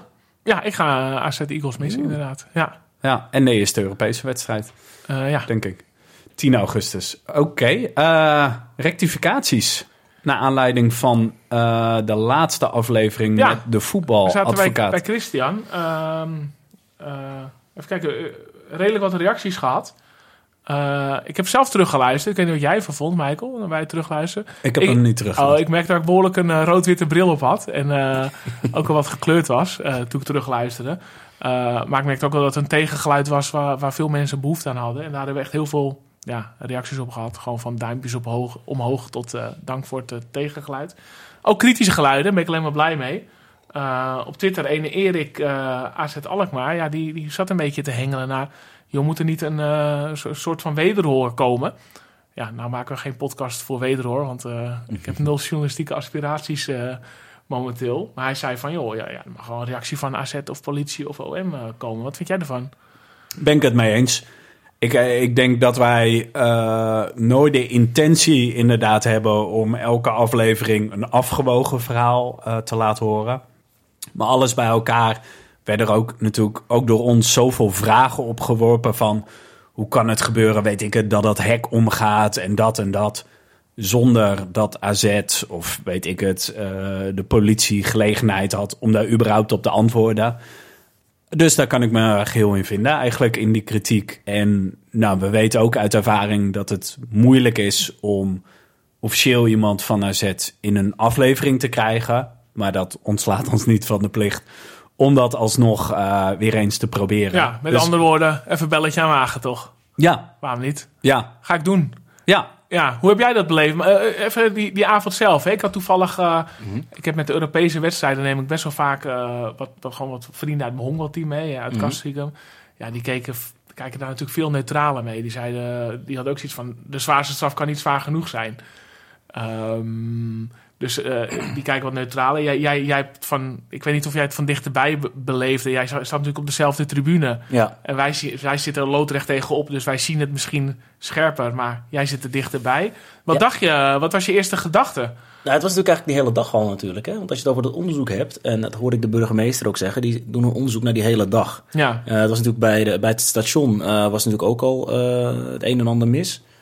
Eh, dat er een keer Groningen supporters en Cambuur supporters. eh, Ja, of in ieder Cambuur geval Groningen met AZ, Ja, en Groningen Cambuur met- vanuit, eh, ja, Groningen vanuit met eh, West Ham. met West Ham. Die kwamen in één keer Ja. vanuit het station. Of, ja waarbij Achter het station. te vroeg gebeurde, omdat de eerste politie nog niet paraat stond. Hè? ja, dat is ook al zoiets, maar dat vond ik ook apart. Want ik hoorde die dag daarvoor al dat de supporters van andere clubs deze kant op zouden komen. Nou, als ik dat al hoor, Ja, dan ga ik ervan uit dat de politie. En ik zit niet diep in de harde kern of Ja. dat soort dingen niet. Dus als ik dat dan zelfs al hoor, dan ga ik er wel vanuit dat de politie dat ook zou moeten kunnen weten. Maar goed, dat is een ander ding. Daar gaan ze onderzoek naar doen. Eh, ja, dat je, ja, als je vanuit Groningen hier eh, overdag heen komt om een kwartier te matten en weer terug gaat, dan vraag ik me wat voor leven je hebt. Maar goed, je, nou- ja, maar goed, dat is een ander ding. Eh, als je het stadion zelf die avond, ja, je, merkte wel dat er een bepaalde sfeer in zat. Ook natuurlijk na, na, na die week daarvoor wat daar gebeurd was op die tribunes. Maar ik had niet het gevoel dat, dat dit zou gaan gebeuren wat nu is gebeurd. Maar er zijn natuurlijk eh, wel meerdere dingen fout gegaan. wat merkte je van ehm, ja, zeg maar de aard van de supporters op de hoofdtribune? Op dat moment had ik er niet zo heel... Want ze zaten, vrij, ze zaten aan de andere kant van de hoofdtribune ten opzichte van mij. Ik zat aan de perstribune en die supporters van West Ham... die zaten eigenlijk aan de kant van, Ja. van de bandside. Wat ik wel apart vond. Want ik denk, als je ze dan toch op de hoofdtribune zet... zet ze dan aan onze kant. Ja, Want dat is heel ver van de harde kern af. Dan moeten ze echt wel een heel stuk gaan lopen, willen ze dat. En dan is het ook minder provocerend. Ik stoor me daar sowieso wel aan dat je als je uitsupporters op een hoofdtribune zet, die gaan juichen. Ik zit ook wel eens in een thuisvak eh, als AZ speelt ergens op verplaatsing. Maar dan hou ik me in met juichen. Dan ga ik niet zitten juichen, want gewoon puur dat vind ik gewoon niet netjes. Maar wat ik hier ook later zag, is dat ook echt gasten waren die ook echt van de harde kern van West Ham waren. Je hebt, je hebt die filmpjes waarschijnlijk ook wel gezien. Ik weet Ja, niet of jullie het daarover we gehad hebben. We Maar hebben de vorige aflevering. Dat de ik, gasten- ik, ik wil ook niet echt per se de vorige afleveringen herhalen hoor. Maar Nee, maar goed, kijk, er zijn natuurlijk meerdere dingen fout gegaan. En op een gegeven moment ga ik waarschijnlijk dingen herhalen die jij gezegd hebt. Er werd een beeld geschetst alsof er families werden aangevallen. Nou, er is geen filmpje te vinden waar een vrouw of een kind werd aangevallen. nee. En daarmee probeer Maar ik wat dacht je op het moment dat het gebeurde? Dacht je echt van wow. Ik zat te kijken en ik, jezus, wat gebeurt hier? Want ik zag Eenhoorn daar staan. Die staat natuurlijk na de wedstrijd altijd voor de, voor de spelerstunnel. Ja, dat kwam allemaal ook richting hem. Eh, niet dat ze op hem afgingen hoor, maar eh, de hele meute kwam die kant op. Dus ik zat zo te kijken. Ik denk van, jezus, wat gebeurt hier allemaal, joh? En je zag op een gegeven moment spelers over die boarding klimmen. Om, eh, dat kon ik vanaf mijn kant dan wel weer goed zien. Dat spelers de boarding overklommen. Ook van West Ham. En Pavlidis sprong er volgens mij over om, om, om supporters weg te halen. Ja, ik denk van, jezus, hoe kan dit? Maar ja, Ja. goed, dan ga je later hoor je al die verhalen inderdaad... Ja. van wat voor gasten er op die tribune zaten. En nogmaals, niks praat het goed om over het hek te gaan. Of door dat hek heen te gaan. Maar ja, ik denk daar mis je ook wel een beetje de, de bodem die gasten al daar neerzet. Wat, eh, wat, wat zeg je nu? Hè? Jij zit een week later waarschijnlijk nog eh, weer bij een raadsvergadering. eh, Word je waarschijnlijk aangesproken? Hey, jij bent AZ-fan. Nou, wat, wat is, wat is dan je reactie? Want daar hebben we het een beetje over gehad. Van, Nou ja, ik- we zijn ontzettend in de picture geweest. Ja. En bij spreken zelf op aangesproken. Nou ja, goed, kijk. Ja, weet je, we zijn in de picture geweest. Het is niet iets om trots op te zijn, laat dat, laat dat vooropstellen. Maar ik zit dan wel af en toe mijn lip te bijten. Want dan zit je inderdaad in zo'n raadsvergadering. En er worden dan vragen gesteld van... Ja, moet er dan niet al, eh, helemaal geen bier verkocht worden in het stadion? En dat soort dingen worden meteen al twee, drie dagen daarna geroepen. Dat ik denk van jongens, kijk eerst even wat er gebeurd is. Hoe is het gebeurd? Wat is er gebeurd? Voordat je dat soort dingen gaat roepen. Want het klinkt allemaal heel populistisch. Van oh, haal al het bier maar weg uit het stadion. En weet ik veel wat voor dingen allemaal. Ik denk van jongens, laten we eerst het onderzoek even afwachten. Eerst kijken wat er gebeurd is. En dan zie je later van oké, dat het, nou ja, genuanceerder. Ja, kan, dit, kan zo'n zaak genuanceerd liggen. Maar dat er verschillende oorzaken aan de grond zou hebben gelegen. Waardoor dit zo heeft kunnen escaleren. Nou, ga daar eerst mee aan de slag voordat je met dat soort maatregelen komt als het bier weer. Want we hadden het er net al over. Hoe vaak gebeurt zoiets bij AZ? Nooit in, enkel incidentje natuurlijk. Zal ongetwijfeld een keer een vechtpartij op de tribune zijn. Maar over het algemeen gebeurt dit nooit. Dus om meteen naar dat soort maatregelen te willen grijpen... of dat soort dingen te vragen... dan denk ik van, joh, dat gaat... Dat, dat, dat is...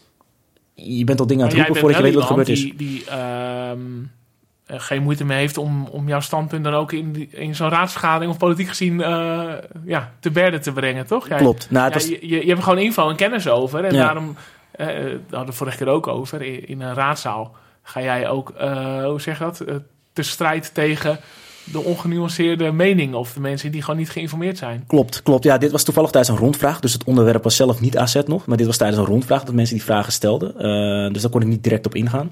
Eh, maar dit onderwerp zal, verwacht ik wel geadresseerd worden... als er zo direct meer eh, duidelijk is over het, dat rapport wat er komt. Over hoe dit nou heeft kunnen gebeuren. Ehm, maar goed, ja, nee, inderdaad. Ik, ik zit dan wel op mijn lip bijten als ik die vraag hoor. Ik denk van jongens, wacht nou gewoon even. Kijk even wat er gebeurd is. Stel eerst die vraag, wat is er gebeurd? Voordat je probeert te komen met, met maatregelen en oplossingen. Dat vind ik belangrijker. Jij gaat niet eerst straffen eh, als, als een van je leerlingen wat verkeerd, maar je gaat eerst kijken wat er eigenlijk gebeurt. En daarop ga je pas een straf bedenken eventueel. En nu waren ze al met straf of maatregelen bezig zonder dat ze weten wat er gebeurd is. Ja, je hebt het resultaat gezien. Er kwamen eh, een paar honderd man door een hek heen. Wat nogmaals absoluut niet goed te praten is. Maar ik wil eerst alle stappen weten die daarvoor gebeurd zijn. Hoe kan je dat voorkomen? Ja, en dan het verbieden van bier of zo. Dat is bijvoorbeeld wat, wat dan een van de voorgestelde maatregelen was. Is voor mij niet een maatregel die mij meteen te binnen schiet. Nee, Absoluut niet. Nee, ik denk niet dat dat eh, de kern van het probleem is. Zeker niet. Maar goed, wat, wat zou AZ zeggen als we, als we ze wel eh, voor de microfoon hebben, denk jij, Michael? Nou, het is best wel pijnlijk, want wij moeten dan eigenlijk een veiligheidscoördinator spreken. Zijn of haar verantwoordelijkheid. Maar die was er niet tijdens die wedstrijd. En dat is niet kinderachtig bedoeld. Maar dat is natuurlijk best wel ingewikkeld als AZ zijnde. Je wil gewoon iemand naar voren schuiven eh, die daarvoor verantwoordelijk is en die de beslissingen kan uitleggen. En bij wie moeten we dan terecht? Is dat Eenhoorn? Is dat de chef kaartverkoop? Is, ja, ik weet het niet. Eh, nou ja, ik, eh, ik zou zelf gewoon heel open ingaan. Wat was het plan van AZ uit? Misschien kunnen we het dan ook Ja. beter begrijpen. Hè? Zijn er afwegingen gemaakt waarvan wij achteraf denken...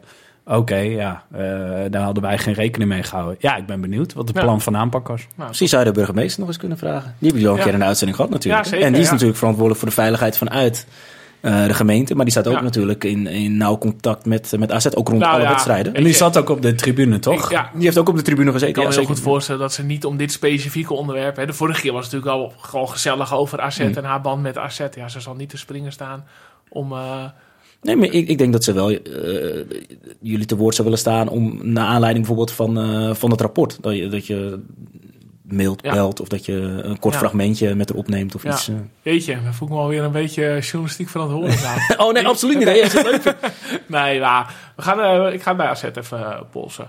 Eh, in ieder geval Erik, bedankt voor deze rectificatie, want daar hadden we het natuurlijk over. Excuus voor mijn kinderachtige reactie, want mijn eerste, Ja, jij zat er fel in. mijn eerste reactie was eh, begin zelf een podcast en probeer het maar. omdat, ik, ja, omdat ik toch denk dat het antwoord nul gaat worden. Maar als je het niet probeert, weet je het zeker dat het niet lukt. Ehm, dus eh, eh, we hebben hem genoteerd. eh, ja. Verder niet echt rectificaties. Nee, niet, we hebben ons niet weer versproken of zo.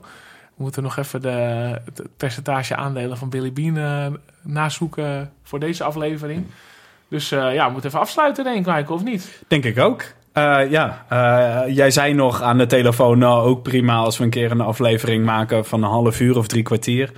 Eh, we zitten op 1 uur en 20 minuten, dus eh, Netjes. tijd om af te sluiten. ja, ehm, ja, normaal gesproken zeggen we tot in Alkmaar. Jij bent er eh, de eerste wedstrijden niet. Wat is de eerste wedstrijd die je gaat meepakken? Eh, zover heb ik nog niet gepland, moet ik eerlijk zeggen. Oké. Eh, desalniettemin, de eerstvolgende gast zullen we waarschijnlijk ook wel ergens hier in de buurt ontvangen, toch? Wel zo handig. Ja, nou, we hebben een mooi onderwerp op de agenda. Denk over twee maanden eh, nou, hebben we wel een speler, eh, nou ga je, een oud speler. Daar ga ik niet te veel over Ik verklappen. ben benieuwd. Eh, maar hij, hij is, zijn naam is genoemd, eh, deze aflevering. Ik zit even naar het shirt van Boadu te kijken trouwens, over Ja. de oudspelers gesproken. Ik neem aan dat het een matchworn shirt is. Ja, kan je daar gelegenheid even bij vertellen? Ja, dit- deze heb ik... ge- Oh, sorry, ik zal het even in de microfoon zeggen, want ik draai me om naar het shirt. Nee, ehm, deze heb ik gekregen na de wedstrijd AZ Twente. En als je goed kijkt, ik weet niet of je het nu ziet met het licht, maar eh, er staan nog hier nog wat kalkstrepen zitten erop. En dat, hij scoorde toen anderhalf keer in die wedstrijd. Uiteindelijk is een van die goals een eigen goal geweest. Er zitten harskook en pillen van... eh, Twente ik sluit dat niet uit. Nee, dus dat is dat shirt na afloop van, eh, van die wedstrijd heb ik die, eh, heb ik die gekregen van hem. Oké, al lachen. En eh, leuk, shirt van de nieuwe spits van Feyenoord aan de muur. Hou op. ik word wel erg veel oudspelers zo inmiddels, maar ja. Ja, ja ik, ik merkte online dat het je wel een beetje dwars had, of niet? Nee, nee, niet dwars. Ik vind, het, ik vind het gewoon, ja, ik moet erom lachen. Ik maak me in principe niet zo heel erg druk om wat er bij andere clubs gebeurt. Maar ik, vond, ik, ik had het toevallig vorige week voorspeld in een tweetje toen ze Stenks gingen halen. Ik zeg, nou, ik zeg, je kan de klok erop gelijk zetten dat als Danilo vertrekt, dat ze bij Boadu uitkomen. En ik vind het een beetje verhiet eigenlijk als je elke keer bij oud-spelers uitkomt. Want dat hebben ze natuurlijk met Jaan Baks, Idrissi en eh Tabouni. En weet je, het zijn allemaal oud AZ'ers. En ik heb het idee, eh, het verhaal was toen, en dat heb ik ook gehoord, dat op het moment dat Slot wegging, dat ze wel heel erg veel van het scoutingslijstje van AZ gingen halen. Met Trauner, met Ausnes, met Pedersen, met. Walemark, met Bjurkan. Dat waren allemaal jongens die eh, op de scoutingslijst bij AZ stonden.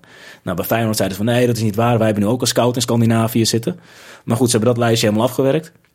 En wat halen ze de laatste jaren, of laatste jaar? Vrij veel oude bekenden. En spelers uit de eredivisie. Met Zerouki, met Timber, met Danilo. Er zit af en toe nog eens een keer een tropische verrassing tussen. Maar over het algemeen vallen ze nu daarop terug. En er is niks meer over Scandinavië waar ze die topscout hadden zitten. Dus ik had wel zoiets van, weet je, van ja... Weet je, dit, dit- ja ik vind die scouting een beetje makkelijk daar. Maar goed, aan de andere kant, weet je... pff, ja, ik, ik vind het aan de ene kant jammer. Want ik wil eigenlijk niet dat die jongens tegen ons spelen. Dat is het eigenlijk meer. Maar ik ben er verder niet gefrustreerd over. Ik heb zoiets van, ja, die jongens zijn weg bij ons. Die komen toch niet terug. Althans niet voorlopig. Dus ja, maar het is meer een beetje met een knipoog. Eén ding weet ik wel, Kerkers en Reinders gaan uh, voorlopig niet naar Feyenoord, denk ik. Het kan snel gaan en je Ja, weet het nooit. waar, dat is waar. Ik denk dat wij nog via een omweg ook nog wel kan. Het Ja, zal ja, niet direct die zijn, maar... Die zie ik wel nog wel Ja. zitten, ja. ja. Alright, afsluiten. Ja, wat ga jij morgen doen, Michael? Eh, morgen, ik ben nog vrij. Ja, lekker rustig eh, eh, monteren, denk ik. Wel wat dingetjes die ik mo- moet doen. Freelance praktijken. Maar voor de rest, relaxed dagje. Freelance vrouwenvoetbal kijken. Freelance praktijken is er ook eh podcast eh, in elkaar Ja. draaien, denk ik. Andere, eh, meer journalistieke podcast. Nog journalistiek, Met hoor en nou. wederhoor. Kunnen we nog wat van leren hier. Eh, en eh, ja, misschien de wekker zetten voor eh, Nederland eh, eh, USA. Eh, Dat is een aardig potje. Hoe laat spelen jullie? eh, drie uur s'nachts. Wat? Ja, het is in, eh, het is in Australië. Hè? Ja, dus, eh, nou ja, je hebt vakantie, dus je moet wat. En jij? Ik heb, eh, nou ja, ik, ik heb natuurlijk vakantie. Ik heb vandaag behoorlijk de tuin, eh zitten klussen in de tuin, dingen ophangen, dingen naar grof vuil brengen. Dus eh, eh, ik denk dat ik morgen nog even laatste restjes doe. Misschien, eh, ik denk met de jongens even naar het zwembad. Hoornse Vaart is het golfslagbad van dicht, dus ik moet even Oh. een eh, andere, ander zwembad eh, vinden. Ja, ik heb geen tips. Ja, sorry. Jezus, Michael. nou, Marius, hoe ziet jouw morgen eruit? Morgenochtend vroeg sporten. eh, ja, dan heel saai de berging opruimen. En dan s'avonds heb ik nog een Kijk, borreltje. nou, dus eh, eh, ja, goed. Het is, eh, ik heb vakantie, maar ik, heb, een- ik heb vrij- doe vrij weinig dingen, moet ik heel eerlijk zeggen. Het Dus, lijkt er eh, aardig op. Ja, we kwamen hier binnen. We zagen al een grote, eh, hoe zeg je dat, eh, partytent opgevouwen zitten. Ja, die was nog van afgelopen weekend, dus die moet nog even opgehaald worden. Ja, eh, gastheer van het barbecue uh. Ja, klopt, klopt, klopt. Super gezellig, maar eh, de spullen moeten nog een beetje opgeruimd worden. Dus dat, eh, daar ga ik morgen mee aan. Klinkt als een echte zomervakantie. Ja, ja, echt vrij weinig inspanning. Dus in dat, in dat opzicht is het wel vakantie. Yes. Oké, nou, tot eh, in Alkmaar. Tot in Alkmaar.